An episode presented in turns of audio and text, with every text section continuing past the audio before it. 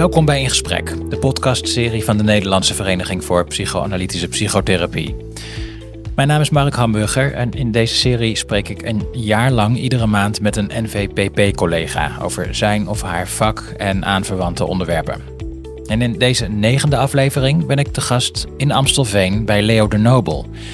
Hij heeft een carrière achter de rug als klinisch psycholoog, psychoanalytisch psychotherapeut en psychoanalyticus, maar vooral ook als bestuurder, adviseur en docent op het gebied van regelgeving en ethiek.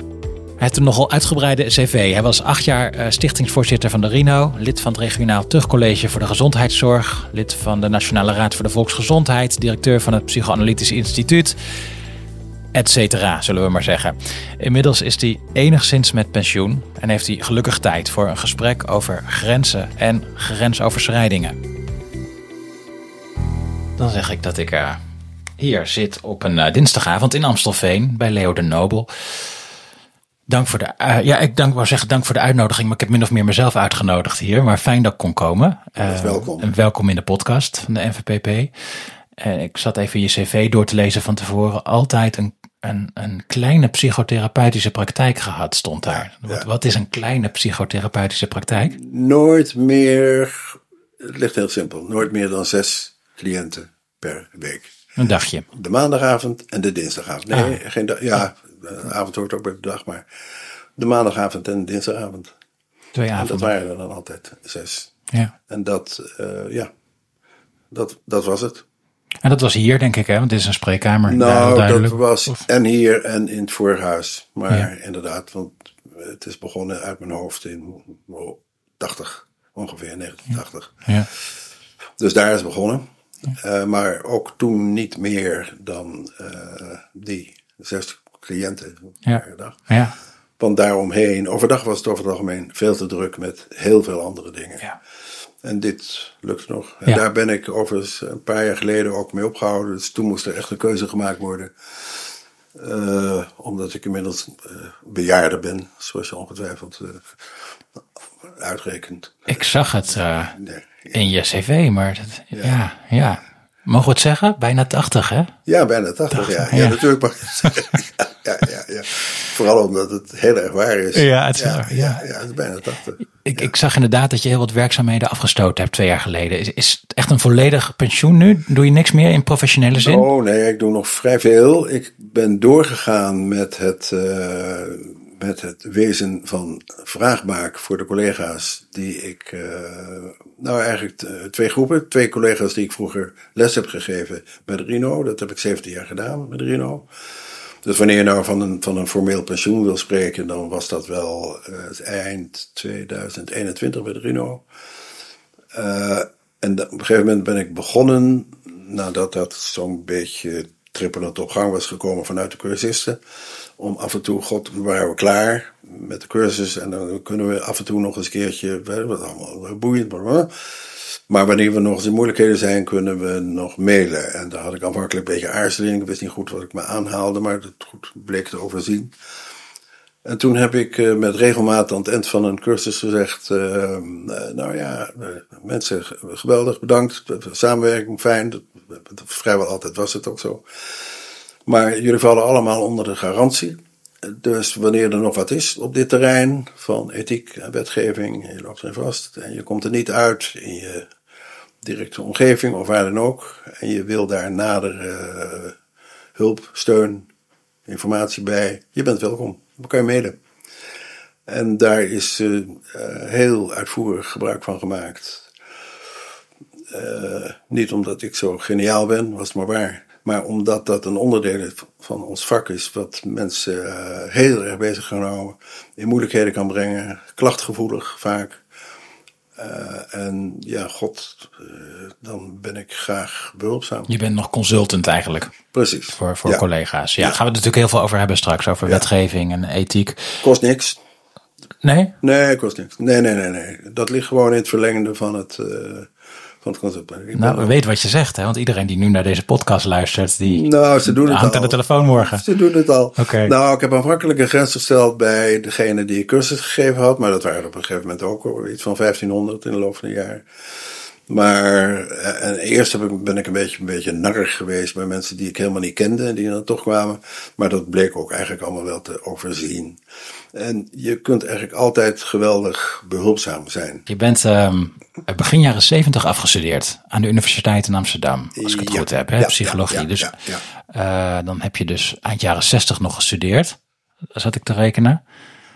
Eh, ja, dat klopt. Ja, maagdhuis bezet ook? Nee, nee, Nee? nee. Wa- nee. Was je daar niet van? Of, Daar was ik niet van. Nee, nee. Wat voor student was je? Jeetje.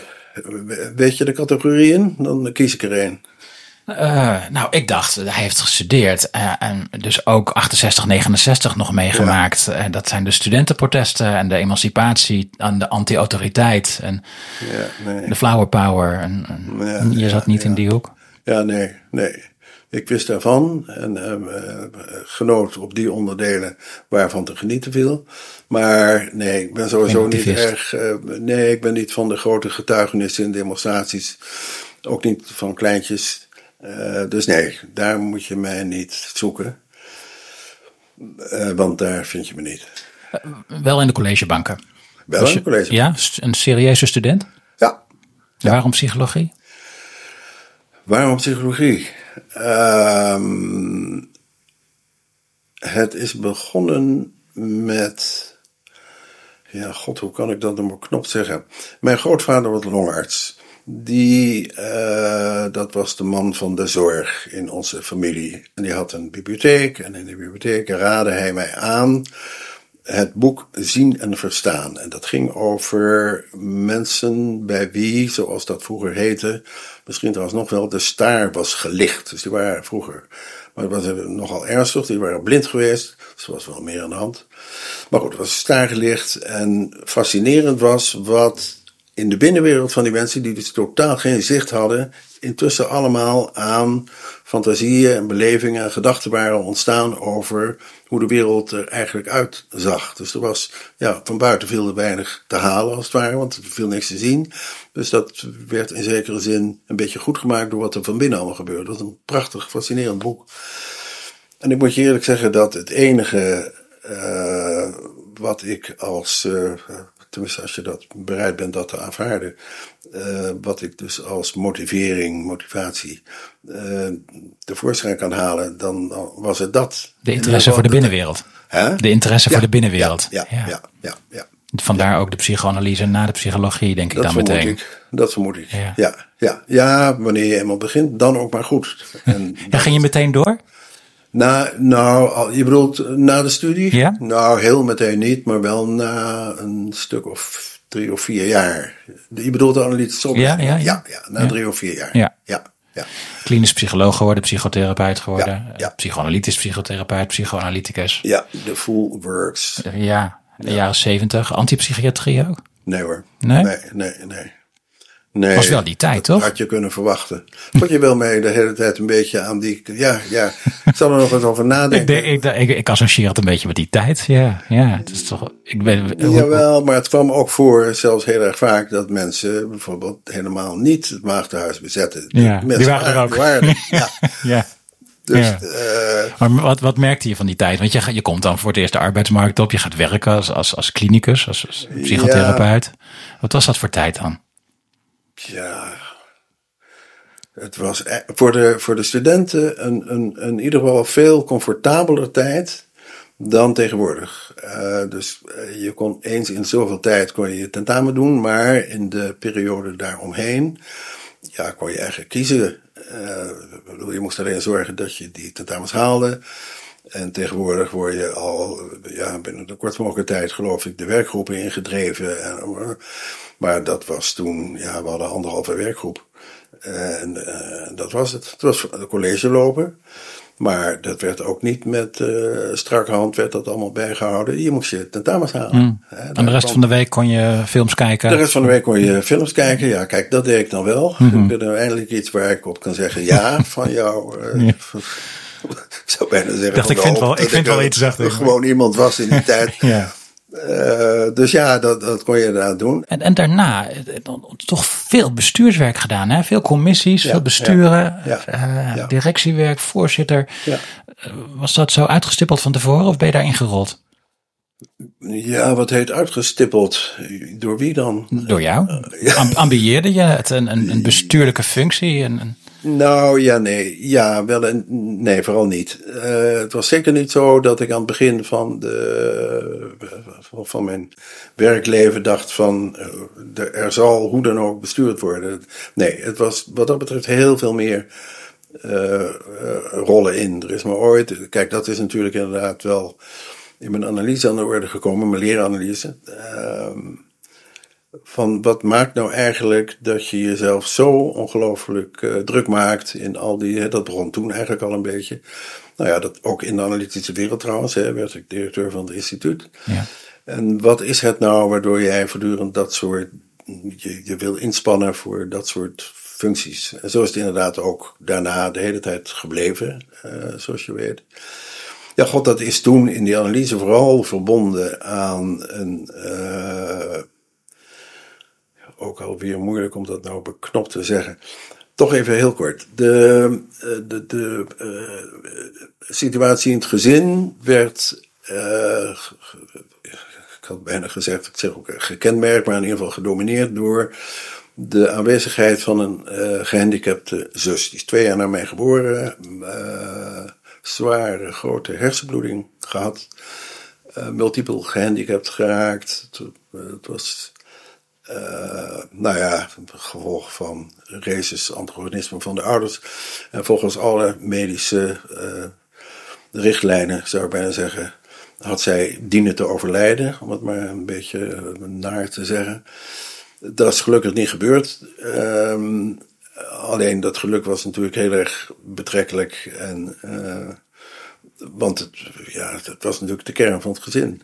Eh, ze kon echt verder helemaal niks. We hadden allemaal een taak. Ik heb nog twee andere zussen. eh, die waren goed, eh, noem ik dan maar even. Eh, en we hadden allemaal een, een, een, taak. Maar het, het is natuurlijk, ja. Mijn moeder zei altijd, over analyse gesproken. Anna Freud die zou hebben zitten stuiteren op de paard. Als ze het gehoord had, als afweermechanisme. Mijn moeder die zei altijd, als wij ook maar even in de buurt kwamen van een vleugje bezwaar. Zei ze, oh god, hoe krijgen we dat weer? Jullie mogen blij zijn met Martje, dat het zusje. Want jullie leren al heel vroeg, en andere kinderen die krijgen dat helemaal niet mee, om verantwoordelijkheid te dragen. En zo is het ook inderdaad gegaan. Ja, Wel. zo, zo moest je het dus zien. Zo precies. Ja. Zo moesten we het zien. Eh, ik moet je zeggen, ja, ik weet niet, je bent niet vooral iets aan het zien op die leeftijd. Van hoe zal ik hier dit nou eens beoordelen? Maar het was wel zo, in, in, mijn analyse heeft mijn, mijn analytica in ieder geval gesondeerd. eh, u zult toch wel ook heel erg boos geweest zijn op uw zusje. En ik moet je eerlijk zeggen, geen sprake van. En eh, ook in de, in de- goed, jij kent ook de analytische wereld. En je weet dat het voorkomt dat er diehard analytici zijn. En is het niet linksom, dan is het wel rechtsom. Maar we zullen de woede te pakken krijgen. Nou ja, dat is echt niet gelukt. Dus het heeft natuurlijk heel veel betekend. Maar het was eerder een, eh, hoe wonderlijk het misschien ook. Ik had werkelijk, ik had een diep verdriet in zekere zin namens haar. En Dat is echt een herinnering die ik eh, heb overgehouden, nog vanuit mijn analyse, wanneer het over haar gaat, nog weer later. Dan weet ik nog dat ik met haar, ik trok regelmatig, trok ik met een karretje door Amstelveen, oh, toen ook al. En, Je komt hier ook echt vandaan, uit Amstelveen. ik- Ja, daar ja, zitten we. geboren in de maar een jaar daarna Ja, in Amstelveen, ja. precies. En toen even ergens samen gaan zitten en toen eh, keek ik naar haar en toen kwam er echt een golf van verdriet. Toen, en en toen, toen dacht ik, het zullen mogelijk andere woorden geweest zijn van God lief zusje. Die ene kans die je in het leven krijgt om, nou ja, te genieten, er iets van te maken. Eh, Jij kan helemaal niks. Je kan echt helemaal niks. En ze kon ook werkelijk helemaal niks. Die ene kans die je gekregen hebt, die is je eigenlijk vanaf dag één is die al jou ontnomen. Dus ik vond het voor haar verschrikkelijk. Zij zal dat allerminst beseffen. Ze had totaal het vermogen niet om, om ook maar iets te beseffen, voor zover we weten. Moet ik er altijd ook terecht bij zeggen. Maar zeker niet van. Ze leeft niet meer, begrijp ik. Ze leeft nog niet eens zo lang geleden overleden. Oh, Een jaar of zeven geleden. Ah, ja. is heel oud geworden. Ja. En de laatste jaar is het heel erg lang in het gezin gebleven. dat was de keuze die mijn ouders dan toch uiteindelijk gemaakt hebben. Maar ze is toen naar een inrichting gegaan in Limburg. En uh, door werkelijk fabelachtig liefdevolle, provinciaalse, schattige meiden. Uh, verschrikkelijk lief en, en, en, aandoenlijk opgevoed. Maar nou zat die analytica van jou met die agressie er misschien flink naast. Maar je kwam erop omdat je suggereerde dat ze wel iets zinnigs had gezegd over de relatie tussen het zusje, het gehandicapte zusje, en je latere bestuurswerk en je betrokkenheid en je dingen willen veranderen of je mate van geëngageerd zijn misschien. Ja, ja, ja. Dat allemaal, wat jij nou Maar hoe ziet die link dan precies? Nou ja, precies. Het wil heel erg moeilijk uitgaan natuurlijk, omdat het dan allemaal heel erg vroeg zich gaandeweg meer ontwikkeld heeft. Maar uh, het, het, lijkt zo te zijn dat wanneer zich de gelegenheid voordeed om ergens uh, een verantwoordelijkheid op te nemen, ervoor te zorgen dat de dingen goed liepen, dat uh, nogal wat van die bestuursfuncties die zaten in de zorg. Dus dan hield in ieder geval ook in dat datgene wat er geregeld moet worden of wat er beheerst moet worden, dat dat goed liep. Uh, dat degenen die afhankelijk waren van het bestuurlijke werk, dat die niet tekort kwamen. Dus ja, dan, ja. Uh, op een gegeven moment zit je in het bestuur en wie wil er dan voorzitter worden? En dan wil ik ja. het echt met overtuiging ook ja. wel. Je hebt veel in uh, ethische commissies gezeten ook. Ja. Waar kreeg je mee te maken? Nou ja, met grensoverschrijding. Met grenzen, grensoverschrijding dat was de vraag. Ik bedoel, je hebt ethiek natuurlijk uh, op alle mogelijke, hè, vanuit de diepste diepte van de filosofie tot en met de meer toegepaste beroepsethiek. En daar vooral kreeg ik heel veel te maken met, uh, nou ja, grensoverschrijding.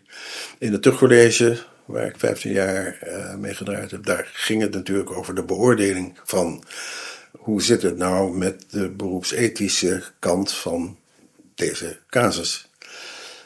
Wat, wat mogen we er allemaal onder verstaan, onder grensoverschrijding?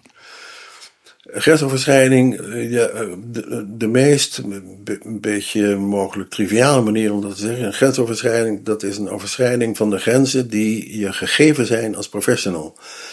Uh, die je moet bewaken, waarnaar je je moet gedragen. Dat zijn de richtlijnen van je beroep, dat is, dat is de wetgeving, de, de wetten die, in de, die de zorg domineren. En dat is de GGZ natuurlijk vooral, de WGBO, uh, en uh, daar is bijgekomen de WKKGZ en daar zijn de beroepscodes van uh, nou, de NVP en van het NIP in het bijzonder. Nou ja, dat, dat bepaalt de grenzen. Even iets concreter, seksuele relaties tussen therapeut en patiënt, denk je dan natuurlijk meteen aan. maar Ja, van, ja, van allerlei. Het kan zijn frauderen in bij, bij declaraties. Het kan zijn het veel te vrijmoedig informatie geven aan de politie, die daar gehaaid als regelmatig uh, kunnen zijn aan een jonge collega uh, informatie vragen over een cliënt die ze dus, ja, nagenoeg nooit eigenlijk mogen geven. Maar met verleidingspogingen, daar waar ik gaandeweg meer de boertje dood aan kreeg, zo van, van, god, dat is toch vervelend dat u daarop geen antwoord wil geven. Want ik heb te, maken gehad met wat meer ervaren collega's van u. En die zijn daar eigenlijk veel gemakkelijker in. De, de bekende trucjes van de politie en van de advocaten. En, dus een schending van beroepsgeheim in dit geval. Schending van beroepsgeheim. Ja, ja beroepsgeheim, eh, daar gaat het eigenlijk uh, in verreweg de meeste gevallen om in talloze vorming. Gegevensverstrekking aan, nou, noem het maar, aan collega's, gegevensverstrekking aan andere partijen, gegevensverstrekking aan de medische adviseur van de verzekerde maatschappij, aan de jeugdbeschermer, waar een uh, belangrijke wetswijziging gekomen is, zodat je dat moet tegenwoordig. Wat vroeger de gezinsvoogd heette, dan tegenwoordig jeugdbeschermer. En dat is echt uh, nogal ingrijpend. Hè, dat je echt een spreekplicht hebt tegenover de jeugdbeschermer. Nou ja, jij zal het weten. Maar heel veel collega's weten dat werkelijk niet. En dan ontstaan er vaak nogal wat uh, onverkwikkelijke conflicten tussen een jeugdbeschermer en een van onze collega's. En de jeugdbeschermer die daarop aandringt, uh, van luister eens even, dat zal gewoon moeten. Het is gewoon uw wettelijke plicht om in ieder geval die informatie te geven die ik nodig heb om mijn werk ten behoeve van dit gezin, van deze kinderen te doen. In het kader van een ondertoezichtstelling hè, is dat altijd. Ja, god, dat, dat kan buitengewoon vervelend uitpakken voor beide partijen.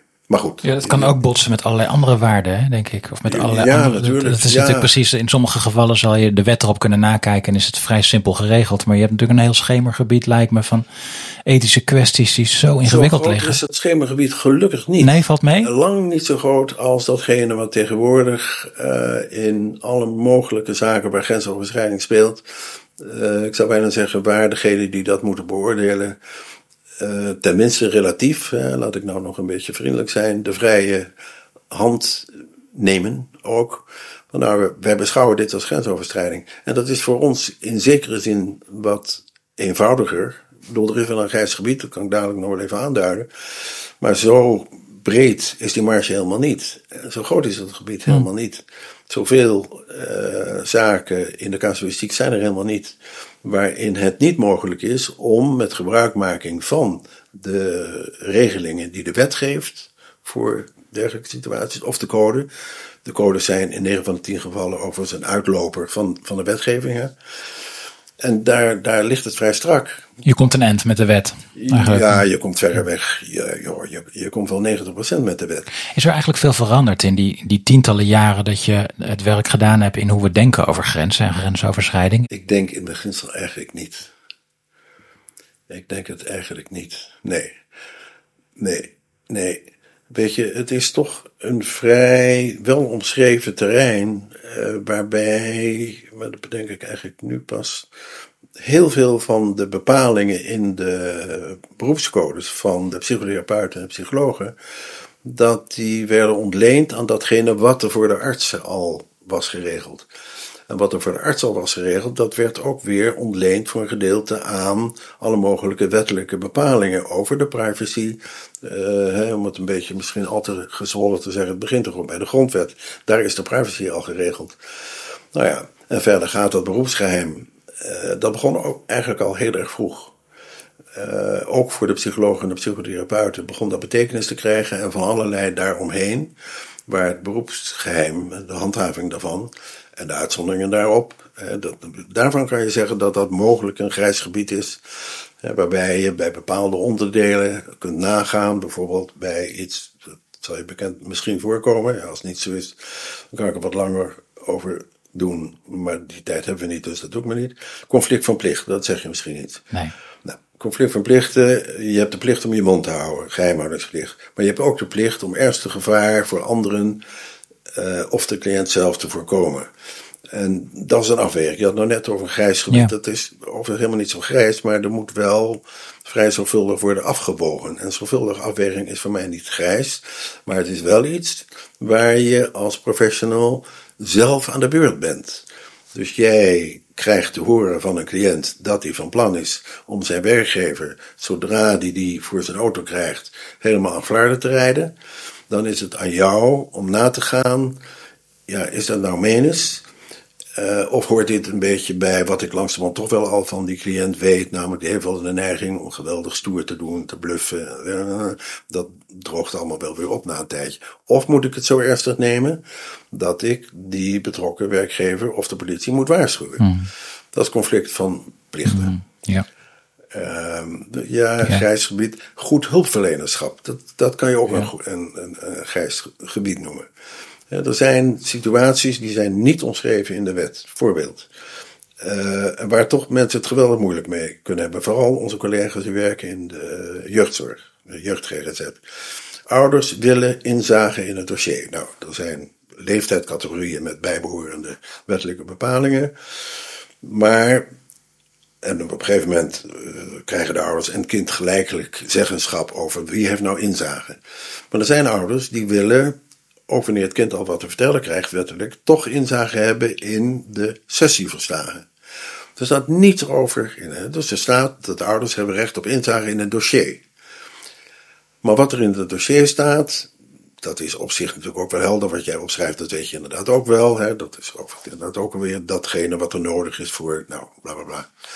Staat niets over het inzagerecht in sessieverslagen. Terwijl het is goed hulpverlenerschap om het ernaar te maken dat ouders geen inzage krijgen in datgene wat een kind heeft toevertrouwd aan de hulpverlener, aan de therapeut. Staat, helemaal, staat helemaal nergens. En er zijn, en dat, daar moet, dat moet je dus doen met een beroep op. Een goed hulpverlener doet dat niet. Een goed hulpverlener heeft hooguit van tevoren gezegd tegen het kind: luister even, alles wat hier is vertrouwelijk, je moet er wel rekening mee houden dat wanneer je ouders willen weten wat je allemaal gezegd hebt, dat ik ze dat allemaal zal laten zien. Nou, dan weet je genoeg, namelijk dat je van het kind bij benadering niet te horen krijgt. Ik gaat niks meer zeggen. Precies, ik gaat niks meer zeggen.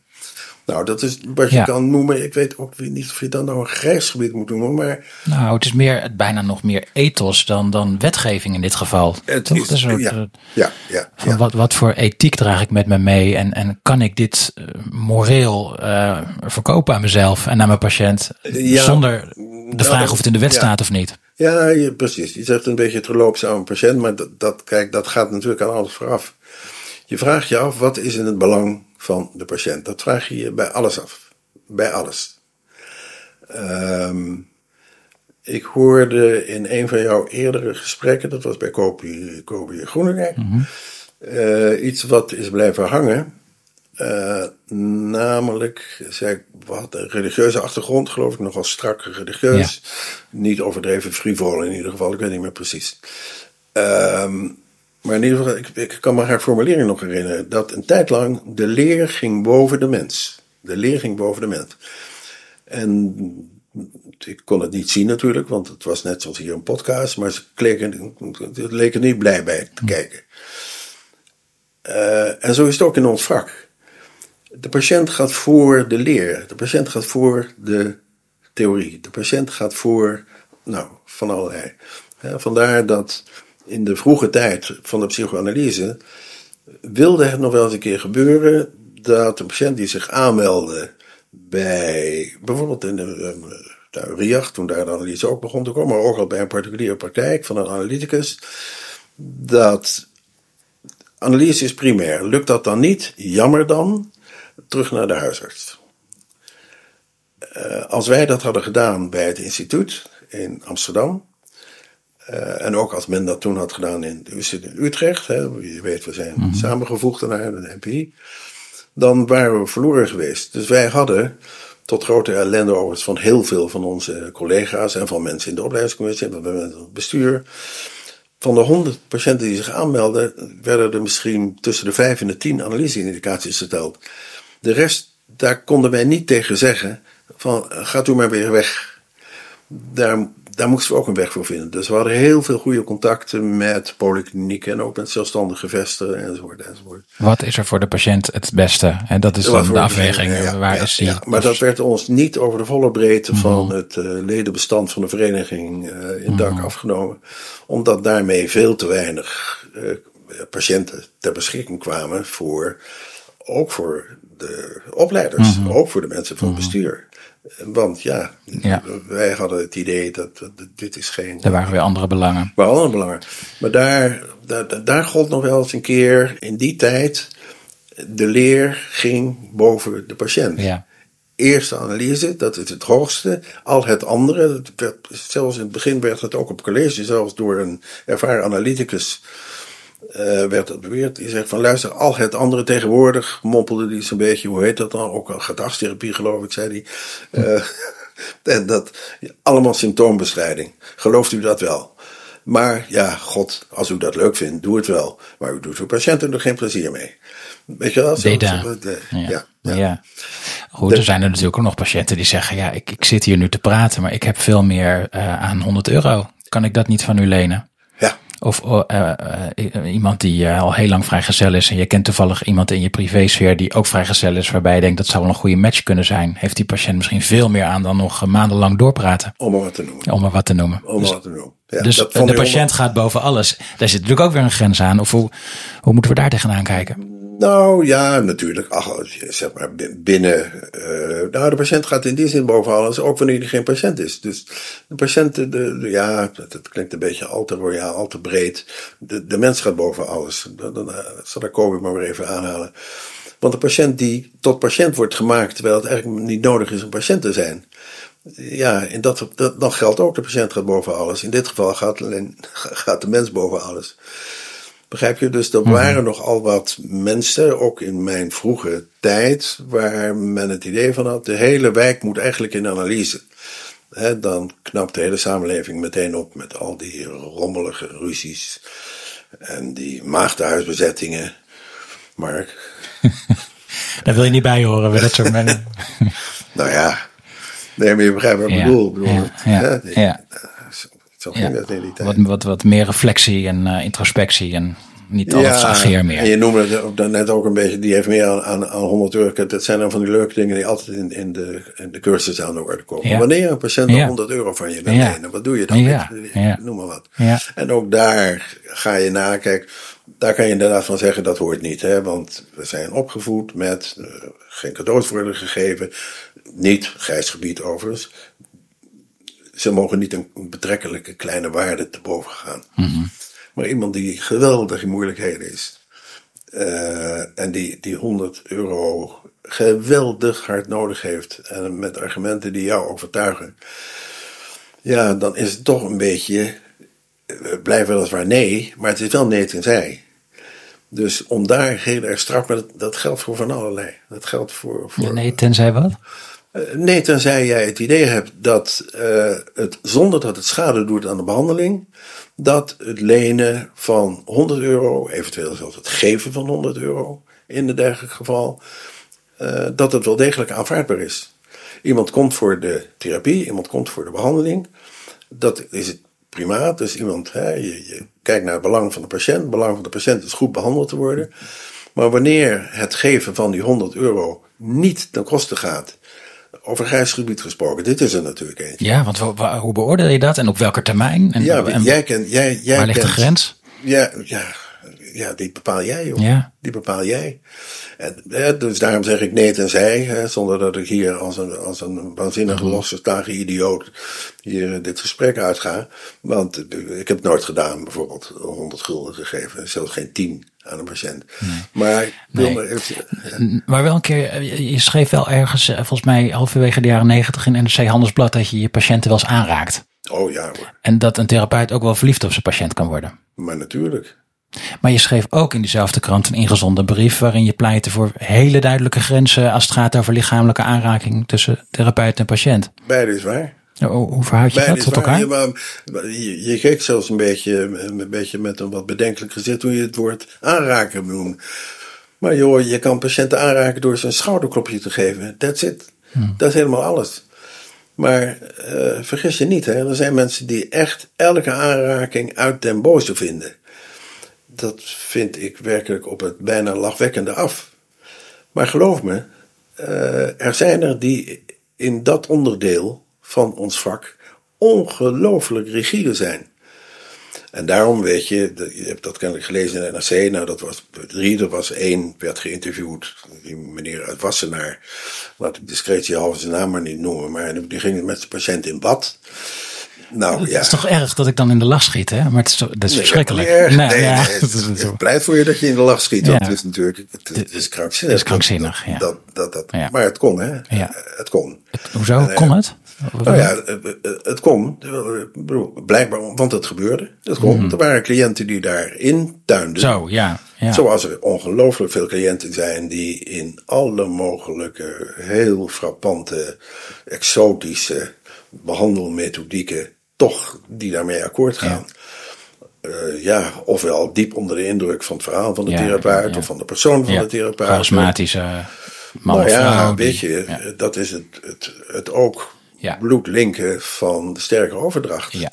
Maar bedoel je nou dat we ook een beetje te rigide zijn misschien soms? Ja, dat bedoel ik. Ja, dat bedoel ik wel degelijk. Kan dat ook nog te maken hebben met, met angst voor de slippery slope? De, en met, met, MeToo, met MeToo nu helemaal? Dat we helemaal niks meer durven? Nee, dat zeg je goed, denk ik hoor.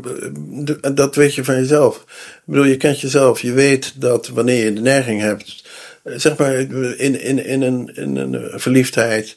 Uh, je kan verliefd worden. Je kan, je kan in ieder geval heel erg erotische gevoelens hebben voor een.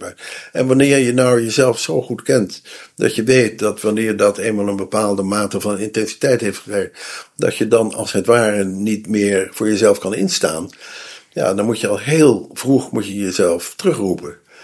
Ehm ja, dat, Maar dan zeg je wel iets heel belangrijks tussen uh, neus en lippen door. Dat je jezelf heel goed kent. Dat is dan wel een voorwaarde. Dat is een voorwaarde. Kan je hem ook omdraaien dat als het misgaat, dat uh, de betrokkenen zichzelf misschien toch niet zo goed kenden? Ja, klinkt me een beetje al te. Uh, ja, ik, ik, ik, zocht naar een wat fraaie formulering dan kort door de bocht. Maar het klinkt me een beetje te kort door de bocht. Waarom gaat het zo vaak mis nog dan? Nou, om te beginnen gaat het niet zo vaak mis. Maar wanneer het misgaat, heeft dat denk ik in verreweg de meeste gevallen te maken met de intimiteit van de, uh, van de relatie. De relatie tussen, in, in ons vak hè, in het bijzonder. Uh, en gezien de, de, de, frequentie van de contacten, de intensiteit van de contacten, de aard van de contacten, ook de beoogde aard van de contacten. Als we het hebben over de overdracht, dan is het ook inderdaad de bedoeling dat er ja, wat heet de bedoeling, maar in ieder geval, ja, als therapeut zou ik zeggen, maak je niet echt bezwaar wanneer je merkt dat het zich een floride positieve overdracht ontwikkelt. Toch? Of negatief. Of negatief. Ja, nee, maar dat, dat het intens oploopt. Jawel, dan kan je ook grensoverschrijdend negatief. Dan kun je natuurlijk mm. zodanig inadequaat uh, vervelend mm. doen tegen een ding. Nee, maar we hebben het nou inderdaad over de slippery slope. Ja. Nou, die gaat nooit over agressie. Maar die gaat echt over erotiek. Oké. En daar um, ja, kan het wel degelijk gebeuren dat de overdracht, dat die zodanig een patiënt uh, onderwerp kan maken van grensoverschrijdende geneigdheden van een, therapeut. Kijk, weet je dat in de overdracht, bij sterke positieve overdracht, de patiënt is niet meteen zit in duk voor, voor een kwaadwillende therapeut, maar het is wel dan makkelijker de, en gezien de afhankelijkheid en, en de kwetsbaarheid. Ja, weet je, die positieve overdracht is ook weer niet voorbehouden om, om die te incasseren, bedoel ik, mm. aan uh, psychoanalyticus. Mm -hmm. dat kan, kan bij elke therapeut gebeuren. Maar het kan een voortvoersel daarvan zijn. En er zijn natuurlijk toch ook onder ons collega's, wij zijn gewone mensen en maken nogal wat fouten. En leven ook in een contact met anderen, hè, met de patiënten ja, waarin de mogelijkheid om die fouten te maken zich gemakkelijker voordoet dan in veel andere situaties uh, in het leven. Al was het maar door de intimiteit en de afgestotenheid van de, van, van de relatie. Dus ja, slippery slope. Ja, maar zie, heb je patronen uh, gezien in de loop der tijd? In die gevallen waar het misging, waarin er inderdaad seksuele relaties ontstonden, seksueel contact of, of wat voor lichamelijke grensoverschrijdingen dan ook. Zaten er patronen in? Waar, ging het om een bepaald soort uh, therapeuten? Ging het om bepaald soort patiënten? Ging het om bepaald soort therapeut-patiëntenkoppels? Allemaal nee, nee, nee. Nee? Allemaal nee, nee. Volledig willekeurig? Allemaal nee, nee, nee. Nee, je, het kan overal gebeuren. Ik zou bijna zeggen, het klinkt een beetje lullig, maar ze zitten overal. Ja. De allereerste waar ik mee te maken kreeg was net directeur van het instituut. Dat was van een, uh, iemand die buiten elke verdenking stond in elk opzicht waar het ging over maar een vleugje grensoverschrijding. Over. En toen kwam de echtgenoot van de partner, van de patiënt waar het om ging, die kwam bij mij. Uh, ik was een half jaar directeur van het instituut, joh. Hm. En die kwam daar vertellen dat zijn echtgenoot, dat hij al jarenlang seksuele relatie had met een therapeut. Maar dat was een man, ongelooflijk aardige vent. En als je dat tien bij elkaar had gezet, en je had gezegd, neem maar van die tien, degene waar je er mm. zeker van bent, die doet dat nooit. Mm. Maar dat was hem wel. Ja. Nou ja, weet je, nee, daar zit, geen, daar zit geen patroon. Daar zit geen patroon in de type. De, een van de eerste die ik bij het terugcollege had, die was dominee en therapeut tegelijkertijd. Nou ja, je bedenkt het niet. Vanaf, vanaf dat mhm. moment ben ik ook dat gaan bedenken. maar, ja, je... ben je cynisch geworden? Nee hoor, mhm. nee hoor, nee, nee. Nee, zo vaak is het ook weer niet gebeurd. Zo vaak is het. Maar het kan, Voor zover ik weet. Nee, ja, ik bedoel, ja, uh, let wel. Uh, ik kan dat alleen maar weten wanneer het ofwel mij in vertrouwen wordt uh, verteld. Dat gebeurt natuurlijk nog wel eens een keertje. dus in de hoedanigheid van, nou ja, Nou ja, waar we het over hadden, van adviseur, of raadman, vertrouwensman, nou bla bla bla. Ja, en wanneer dan de keuze wordt gemaakt om er verder geen werk van te maken, dan komt dat niet over de rand van de openbaarheid. En in die terugcolleges daar dan wel. maar, maar dat is, eh, ja, ik wil nog net niet zeggen een handje vol, maar veel zijn het er niet. Veel zijn het er niet. Het is, ik heb een paar keer, in, ik heb 15 jaar in de colleges gezeten. Ik heb vijf keer een doorhaling echt meegemaakt het register. En dat was inderdaad wel drie keer vanwege seksuele eh, relatie. Twee andere, andere nou, rariteiten. Maar zo heel erg vaak komt het echt niet voor. Dan hebben we nog de, de niet-seksuele grensoverschrijdingen natuurlijk. Als we buiten onze spreekkamer ons op een of andere manier gaan begeven in het privéleven van onze patiënt. Ik weet dat Gabbard heeft er net over geschreven, een paar jaar geleden. Over, geschreven? Eh, Glenn Gabbard. Oh, Gabbard. Ja, Eh, ja. eh, Over de, de boundary violations en de boundary crossings. Dat is ook nog een interessant onderscheid misschien voor straks. Maar ook hoe bij ehm suïcidale patiënten het voor sommige therapeuten heel moeilijk is om de grens te bewaken. Omdat het appel om iets te gaan doen soms niet meer te verdragen is. ja, ja. En dan komen ze in actie. En dan gaan er toch ook grenzen over. Herken je dat? Nou, dat is maar de vraag of je dat dan grensoverschrijdend moet noemen. Maar Nou, aard- dat, je de, dat je de redderspositie echt op je neemt. Dat je die letterlijk gaat, gaat uitspelen. Buiten de Dat weet je, Van mij hangt het er vanaf of daarmee schade wordt toegebracht aan de patiënt. Maar wanneer jij, gedreven door reddersfantasieën bij een suicidale patiënt, verder gaat in de, eh, zeg maar, in de contactname. Dat je frequente contact toestaat. Of dat je, eh, weet ik wat, Ja. je mobiele nummer geeft. Ja. Eh, ja. En je weet wat je doet. Eh, ik bedoel, hè, je weet dat dat inderdaad toch wel hanteerbaar is. Dat, dat, daar moet je je wel van vergewissen. Nou, Een patiënt eh, gaat bij mij op de logeerkamer. Want dan is hij in ieder geval veilig. Want ik weet dat in mijn huis zal hij geen suïcide plegen. Nou ja. ja, dat gaat me nou echt net een klein beetje te ver. Dat gaat me net een Ja. beetje ver. Nee, weet je, er is een hele, een ongelooflijke eh, oceaan van literatuur over gedrag in de privésituaties. En daar is ook een, een tuchtrechtelijke. eh, je hebt, je hebt eigenlijk heel simpel twee. Ja, niks is simpel in tuchtrecht. Maar je hebt, je hebt goed, tuchtrecht. kom.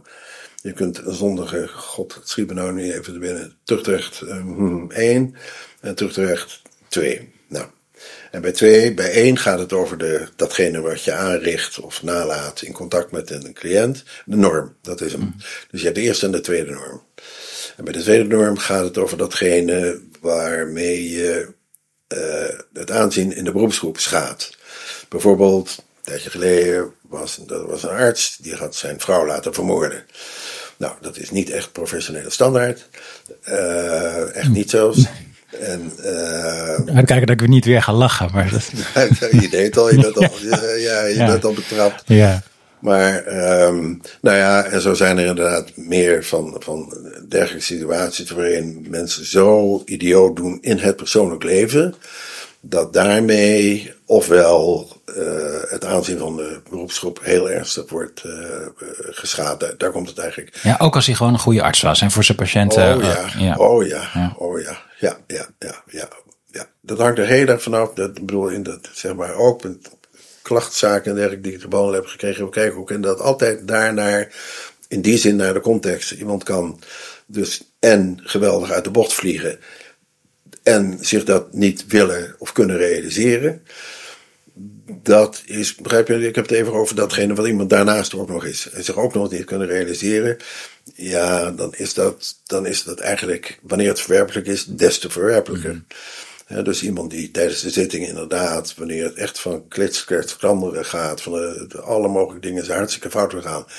En op het eind, ik had zelf heel vaak de neiging om te zeggen van god ja, u zit er nou ook niet voor plezier hier en dat is allemaal naar en eh, zou ik het nou de volgende keer weer zo doen? En degene die dan met overtuiging uitroept, eh, maar wel degelijk zou ik het is echt mijn overtuiging dat dit de enige keuze was. Ja, dat, eh, Dat is een ander verhaal dan als er heel veel schaamte is en, en schuldbesef en, en reflectie. En, Precies, ja, ja. Sluit dat misschien aan hoor. Ik weet niet, bij die, dat onderscheid wat Gabbard maakt tussen eh, boundary violations en boundary crossings. ja. Zeg je dat iets? Nou ja, ik, ik weet dat er twee verschillende concepten zijn, maar ik vind het buitengewoon moeilijk om ze te onderscheiden. Ja. Wel, wel, welk onderscheid? De, de, boundary, eh, de boundary crossings, eh, daarvan zegt hij, dat zijn ook subtiele enactments die misschien niet van tevoren bedacht zijn als iets wat goed is om te doen, maar wat dan toch gebeurt, maar wat zich ook wel leent voor reflectie en vaak voor een dieper inzicht en zich ook niet herhaalt daarna. Terwijl boundary violations, dat zijn echt grove grensoverschrijdingen die vaak ook um, een herhalende kwaliteit hebben. Geen reflectie en echt van de aard seksuele relaties, ja, uh, woede-uitbarstingen, ja, agressie. Ja, ja, nou ja, ik kan deel, ja, wat je het eerste noemen, kan, voor mij is het een beetje op de rand van semantisch hoor, eerlijk gezegd. Ja? Dit, ja, ja, ja, ja. Het kan natuurlijk wel degelijk gebeuren dat er een bar, hij noemde dan de, dat, die crossing, ja. dat was iets waar je wat aan kan hebben, begrijp ik bij. Ja, wat je eigenlijk niet snel doet en niet geneigd bent te doen en nooit aan je collega's zou zeggen dat ze dat ook eens moeten doen, maar wat toch ja. ineens gebeurt. Ja, uh, dat zou ik een onderdachte violation noemen. Ja, ja nou, ja, misschien een goede vertaling. ja, ja. Ja, je vindt het niet zo'n belangrijk onderscheid? Eigenlijk niet. Nee, nee. nee, nee. Nee. Voor de partij kan ik er niks mee. Oké. Okay. Nee, nee. Nou, het, ik, ik, het is misschien ook, misschien is het een continuum hoor, maar um, het, het verschil tussen um, ineens iets over jezelf gaan zitten vertellen, terwijl je eigenlijk dat nooit geneigd bent te doen als therapeut. En ja. te denken, wat ben ik nou aan het doen? Ik zit al tien minuten te praten over iets van mezelf. Wat is dat nou toch? Ja. Dat is dan zo'n crossing. Hè, waarvan hij zegt dat is interessant om te onderzoeken. Terwijl de patiënt gebruiken week in, week uit of dag in, dag uit voor je eigen sores. Ja. En, en, eigenlijk gewoon misbruik maken van, van de aandacht van de patiënt, dat is echt een, een violation. Nou, doe je in het eerste geval ook. Ja? Ja, dat vind ik ook. Natuurlijk, wanneer je over jezelf gaat zitten vertellen, zonder dat daar de cliënt baat bij heeft. Het is wat anders wanneer de cliënt na lange tijd vraagt van... God, ja, we zitten nou de hele tijd... Ik weet eigenlijk helemaal niks van u. Ik ben op vakantie geweest ergens. Ik noem maar wat. Ik zie daar een foto hangen. Is dat iemand uit de familie?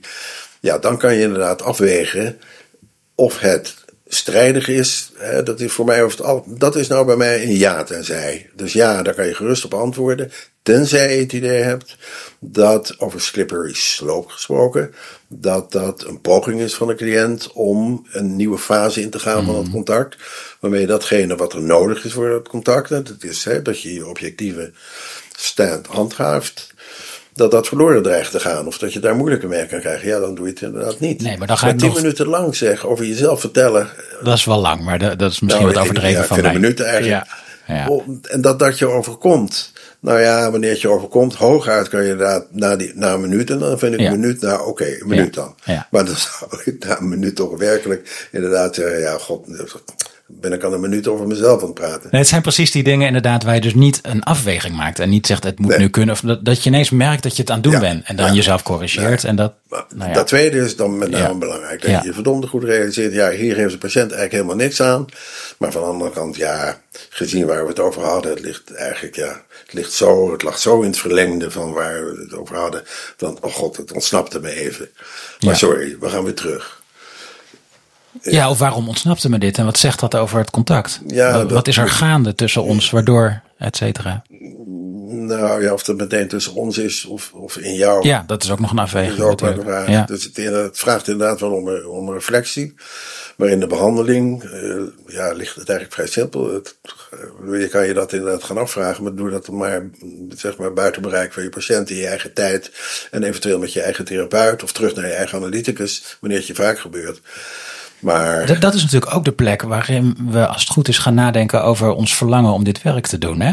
ja, En, en ik, ik heb me een beetje verdiept in de literatuur over die, over die ehm, eh, grensoverschrijdingen. Daar wordt vaak gesuggereerd dat het daar dan toch blijkt een beetje aan ontbroken te hebben. Dat degene in kwestie vaak niet zo doorhad wat zijn eigen verlangen was om dit werk te doen. Dat verlangen vervolgens toch subtiel aan het uitleven is.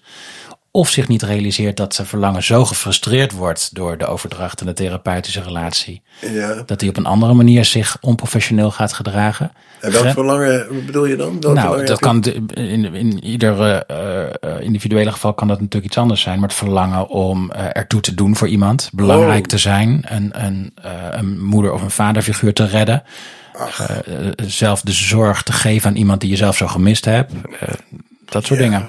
ja, weet je, allemaal niks tegen. Nee, helemaal niet. Maar als je dat niet weet van jezelf. Nou ja, het wordt pas nodig om dat heel goed te weten van jezelf wanneer het gecorrigeerd moet worden. Hè? Wanneer die aandrang, hoe je het verder ook wil noemen, aanvechting, geneigdheid, motivering van je vak, wanneer je dat met zich mee kan brengen, dat je te zeer doelen nastreeft die niet in het belang van de patiënt zijn, dan, maar pas dan vind ik het iets om uh, ja, bij stil te staan, je af te vragen van god, uh, in het moet ik dit werk eigenlijk wel blijven doen, want ik glijd de hele tijd mee met het slachtofferstrap wat de patiënt toch al zo geweldig uh, indringend etaleert enzovoort enzovoort.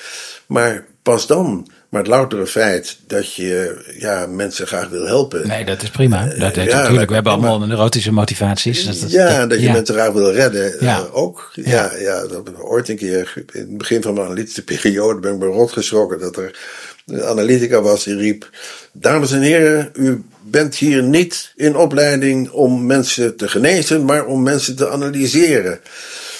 Nou ja, en gelukkig daarmee kwamen de handen ook al niet op elkaar. nu, nu zou ik dat inderdaad. Dus, eh, ja, dan luister je dat een beetje met open mond aan. Eh, in die wereld, hè, wat, zeker het begin van je opleiding, ben je toch een beetje in het Valhalla. En lopen er allemaal goden en godinnen die het eigenlijk allemaal wel beter weten. Denk je zelf ietsje eerder dat je zelf gek bent. En dan. Totdat je weer gaat nadenken. Totdat je later tot bezinning bent gekomen. Ja, ja, ja. Je hebt ook ja, in het maandblad voor geestelijke volksgezondheid heb je iets geschreven over melding maken. Ook uh, bij het zien van, van iets wat, wat uh, gemeld moet worden uh, ja. bij collega's. Zou, zou dit nou een voorbeeld daarvan kunnen zijn? Als je een collega zou hebben die zegt: Ik ben niet bezig met de patiënt te genezen. dit is een analytische kuur, dat is geen therapeutische kuur. Um, of die patiënt zich beter gaat voelen of niet, dat, dat maakt mij ook niet, allemaal niet uit. En dan lees je bijvoorbeeld eens wat klinisch materiaal. En dan zie je dat deze collega heel erg vanuit één bepaalde theorie interpreteert. Allerlei dingen niet hoort bijvoorbeeld, die er ook ja. toe doen. Ja. Zijn dat nou voorbeelden waarvan je zegt, daar, dat moet je er eigenlijk melden? Nee, zeker niet 1, 2, 3. Hooguit 3. Maar het eerste is in ieder geval dat je contact opneemt met de collega en die aanspreekt op datgene waarvan jij meent. Uh, als je dat echt meent, hè, bedoel je moet echt ook wel weten wat je doet door een collega aan te spreken op zijn of haar gedrag. Maar goed, de voorbeelden die je noemt, die zijn op zich vrij helder. En uh, lenen zich echt ook inderdaad wel voor, nou ja, in ieder geval een contact met een collega daarover. En pas wanneer je voor jezelf hebt vastgesteld dat het echt ten nadele is van de, van de, uh, van de patiënt of de cliënt. En je hebt het idee dat de gewoon daarin volhardt, er gewoon mee doorgaat. En uh, tegen jou hooguit heeft gezegd, heel interessant, dat u zich eventjes uh, met mij heeft willen verstaan. Maar daar is het gat van de deur. Ja, weet je, dan gaat het niet om mij in dat gat van die deur, maar dan gaat het mij om die patiënt die de hele tijd nog maar weer bezig is met door deze collega gemaltreteerd te worden. En dan in het alleruiterste geval, maar in het alleruiterste geval kun je inderdaad de weg gaan van een terugklacht tegen die collega. Waarbij je bovendien, waarbij jij het dan zelf moet zijn. Hè? Het kan ook zijn dat die cliënt daartoe uh, wordt aangezet. Dat komt ook voor dat collega's van ons tegen een cliënt zeggen van ja, maar wat daar gebeurt joh dat mag helemaal niet. Hè? Dus een cliënt meldt zich bij jou en die zegt van god, ik word behandeld door uh, die en die en er gebeurt dit en dat. En je denkt van nou ja, die man, die, het, werkelijk, het is, het is uh, rampschadig, die is knettergek. Dus we moeten echt een terugklacht indienen. En daar heel veel cliënten die voelen zich dan geweldig onder druk gezet. En door jou als therapeut, omdat jij iets vindt wat de cliënt moet doen. Dan moet je sowieso natuurlijk geweldig mee oppassen. En als de cliënt bezweken is voor jouw aandrang en dan die weggaat van teruglezen, je weet wat je doet. Want uh, het is en voor cliënten, overigens en voor de therapeut in dit geval zou je zeggen, nou ja, dat werd tijd dat hij een keertje verscheen voor een tribunaal. maar, nee, maar begrijp je? Ja, ja. Weet ja het glad ijs, ja. Weet wat je doet, ja. weet wat je doet. Ja. ja. We hebben het overigens uh, net, denk ik ook in het voorbeeld natuurlijk niet over collega's die bedoelen... Um, dat we een houding moeten aannemen van uh, vrij zwevende aandacht en ons niet te veel moeten focussen op het snel willen oplossen van problemen. Daar hadden we het niet over. Hè? We hadden het meer over een bijna perverse uitvergroting daarvan door Ja. niet te willen genezen. Ja, Hè, en daar iets heel contrasterends tegenover te willen zetten. Dus Ja. dat moet ik wel even rechtzetten. ja, ja, ja. Nee, je bent duidelijk. Nu. Ja, de, de, ja. de, de collega's ook uit het verleden, ehm, ook in de, in de psychoanalytische literatuur, die ehm, grof over de grens gegaan zijn. Eh, Maar prachtige artikelen hebben geschreven. Moeten we die artikelen gewoon nog lezen in het curriculum? Waarom niet? Waarom Omdat de liedjes van Ali B en Marco Borsato ook een tijdje niet op de radio geweest zijn. Ja, ze doen maar. Als een artikel goed is, is het een goed artikel. Ja, dat kan je loszien. Maar natuurlijk, als het geschreven is door iemand die eh knettergek is, ja, de kans is vrij klein dat hij toch goede artikelen. dat Nou, Masoud Kaan heeft bijvoorbeeld... Eh, Nou ja, ja. ja. Ja, nou ja, voorbeeld. Ja. Maar zo zijn er inderdaad meer. En er zijn ook ongelofelijke nare mensen die hele mooie eh, ja, muziek maken, maar ook mooie artikelen kunnen schrijven. Nou ja, en wanneer het dan op een gegeven moment bon ton wordt om iemand over de rand te duwen, zoals dat inderdaad bij de Marco Borsatoïden, want het zijn natuurlijk nogal wat langs de hand allemaal gebeurd. Ja, dat is, het is een andere wereld, joh, dan andere dingen. Maar de- de- ja, het gebeurt daar. eh. maar nee, voor mij, voor mij zou het totaal absoluut niet. Ik ben hoogst geïnteresseerd in het artikel. Ja, Hoe, hoe lang blijf je nog doorgaan met consulteren en, en, en tot ik ben neerval. Ja? Echt tot ik ben neerval. Ja, ja, ja. Nu is het inderdaad echt zo te doen. Dus door die cliënten erbij elke avond of elke twee avonden zelfs per week. Dat werd een beetje te gortig. Maar verder, ja, zolang ik eh, nog ja, bij de tijd ben en de wetgeving regelgeving bijhoud. En alle mogelijke dingen. En bovendien, ja, ook nog mensen daarbij behulpzaam kan zijn. En op de hoogte, mezelf op de hoogte kan houden. Geholpen inderdaad door degene die wat dichter op de wetgeving zitten. hè. Dat is langzamerhand, ook op mijn leeftijd heb je natuurlijk nog wel een netwerk. Zeker ook in dit, eh, op dit terrein, ook in de juridische wereld. En zo'n zo'n NZA-affaire waar we tegenwoordig allemaal hebben. Ja, dat heeft geweldig dan ook mijn... mijn eh, Dat volg je op de voet. hè? Dat volg je dat ook op de voet. zeker Ja. op de voet. Ja. volg ik zeker op de voet, ja. Dus je blijft Maar- beschikbaar. Ja, wel degelijk. Ja, en, en gemiddeld komen er twee vragen per, week. En wa- wat is de rest van de week qua pensioen? Wat, wat, wat, wat ga je nog meer doen de komende jaren? Eh, nou ja, eh, datgene wat ik daarnet al noemde, mogelijk ook weer eh, op uitnodiging, als die uitnodigingen komen, nog weer ergens zijn. Spanje is, en daar hebben we het helemaal niet over gehad, het is eigenlijk op het verbijsterende af. Want een groot deel van mijn leven is gevuld met mijn passie voor dat land. Oh. Dus je, je gaat heel veel naar Spanje de komende jaren. Nou, dat zal juist de komende jaren wat minder worden. Maar het is de afgelopen jaren echt eh, heeft het eh, een heel groot deel ingenomen. We hebben een huis gehad een tijdje. Ah. En eh, meerdere keren per jaar daar geweest, vrienden opgedaan. Ik heb de taal geleerd, aardig me in de geschiedenis verdiept. Dus ja, het is echt een, een, een- bijna een leven erbij. Ja? Ja, ja. ja. Maar Nee, wat, ga, wat, ga je daar, wat ga je daar de komende jaren mee doen dan? Met, Dat moeten we nog maar zien. Ik, ik, ik- dat moeten we nog maar zien. Dat hangt ook echt van ons beiden, van mij, onze gezondheden af. Ja. D- dat eigenlijk vooral. Dat eigenlijk vooral. Maar we hebben ons werkelijk eh, uitbundig te goed gedaan aan eh, alles wat het land te bieden heeft. Nou. Eh, het binnenland, hè. Denk alsjeblieft niet, ja, je mag er wel aan denken, maar dan kijk meteen aan de andere kant op. ik dacht niet aan Tormolinos hoor. Als je, Nou, nee, dat- wees niet bang. Weet ja. je dat toevallig is dat ik dat net wilde noemen? Ja, ja, ja, ja. Maar denk daar Nee. vooral niet aan. Nee. Maar denk aan eh, dat hele kleine weggetje midden in Spanje, ergens in de Pyreneeën, dat, dat was waar we het huis hadden. Waar eigenlijk alleen maar een vermolmd bordje staat, Ermita.